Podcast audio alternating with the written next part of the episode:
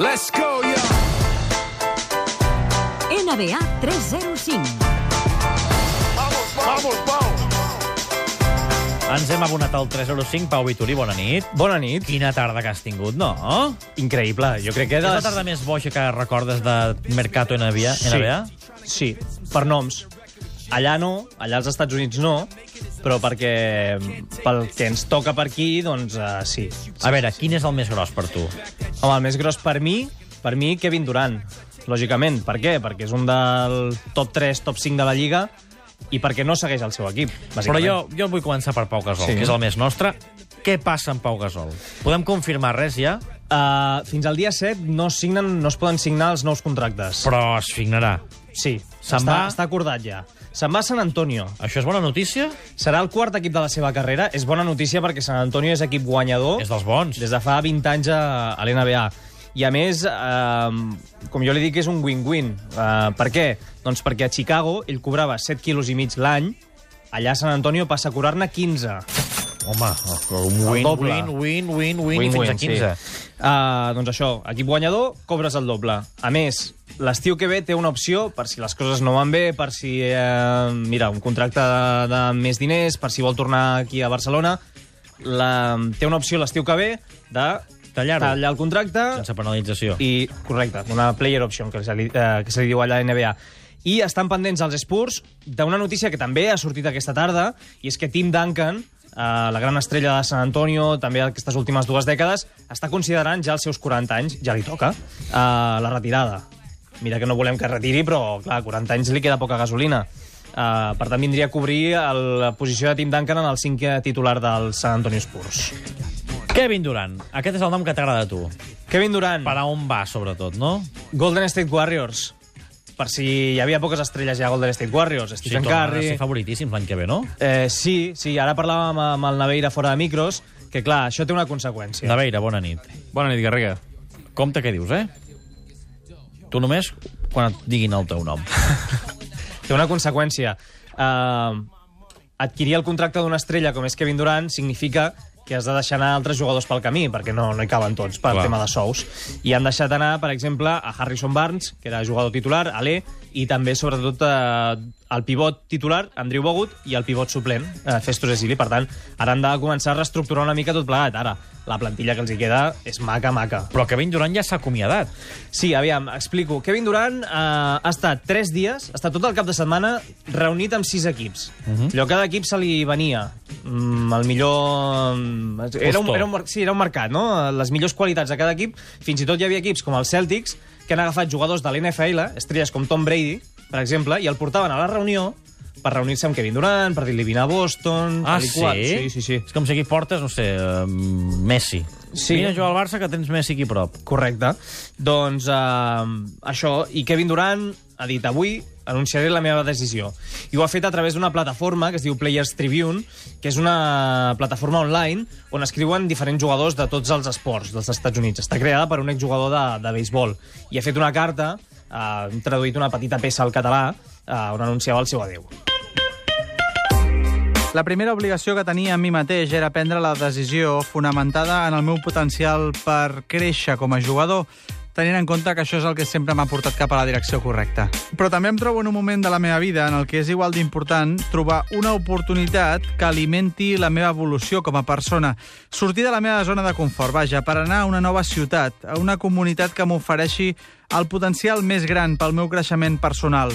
Amb això al cap he decidit unir-me a Golden State Warriors. Els hi queda, doncs, un equip maquet, no? I aquí, per cert, ha patat el servidor de la pàgina. Ah, sí? Sí, ha patat. Hem, hem, alguns hem intentat eh, entrar a la pàgina durant 20 minuts i no hi havia manera, no hi havia manera.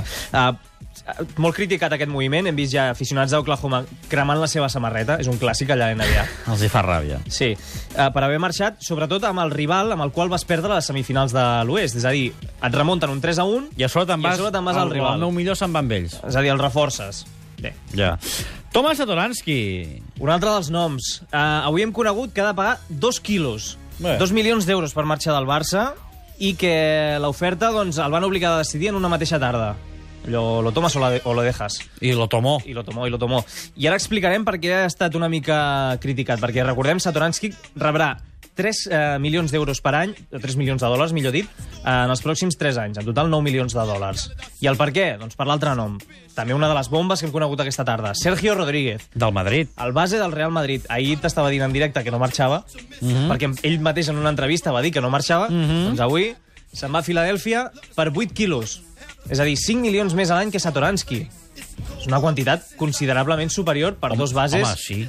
d'un nivell bé similar, no? Uh, uh, Sergio Rodríguez, per cert, ja va jugar a l'NBA, va estar quatre temporades, va anar molt jove, no va, no va triomfar, no va triomfar, i des del 2010 que no juga a l'NBA, i una mica criticat aquest moviment, la veritat. Tenim el Xevi Soler, que és el nostre expert en bàsquet aquí a Catalunya Ràdio. Xevi, bona nit. Bona nit. Ja hem confirmat el que ahir apuntàvem, aquesta deu de Satoransky, i avui afegim el de Sergio Rodríguez. Per tant, Barça i Madrid, els finalistes de l'ACB, que perden dos puntals. Cada dia hi ha una sorpresa nova, eh? Si, si això ho arribes a dir fa, fa tres dies que passaria, d'un i de l'altre, eh, et dic que, que vaja, per diferents motius, eh? Satoransky, perquè eh, si parlaves amb el Barça era pràcticament tothom et deia que no hi havia cap dubte i que no hi havia cap problema de que continuaria, i en el cas de Sergio Rodríguez, primer, perquè semblava que, que la seva porta a l'NBA no és que estigués tancada, però que no tocava, i, i, i segona, que de fet mm, segurament ha sigut un dels anys més fluixos de Sergio Rodríguez eh, d'aquests últims que estava a Madrid, i just en l'any més fluix eh, és en l'any que, que se'n torna a la NBA. Sí, el tema més, jo crec que aquí és que eh, 8 milions d'euros a Europa no es paga, no el paga ningú per No, temporada. Dir, És una oferta que l'has d'agafar. I el Barça ara, Xevi, queda molt tocat amb això. és a dir, ahir ja dèiem sí. que era una situació perillosa. Mm, clar, s'ha de reaccionar amb certa celeritat. I per no haver no hi ha ni entrenador ni director esportiu.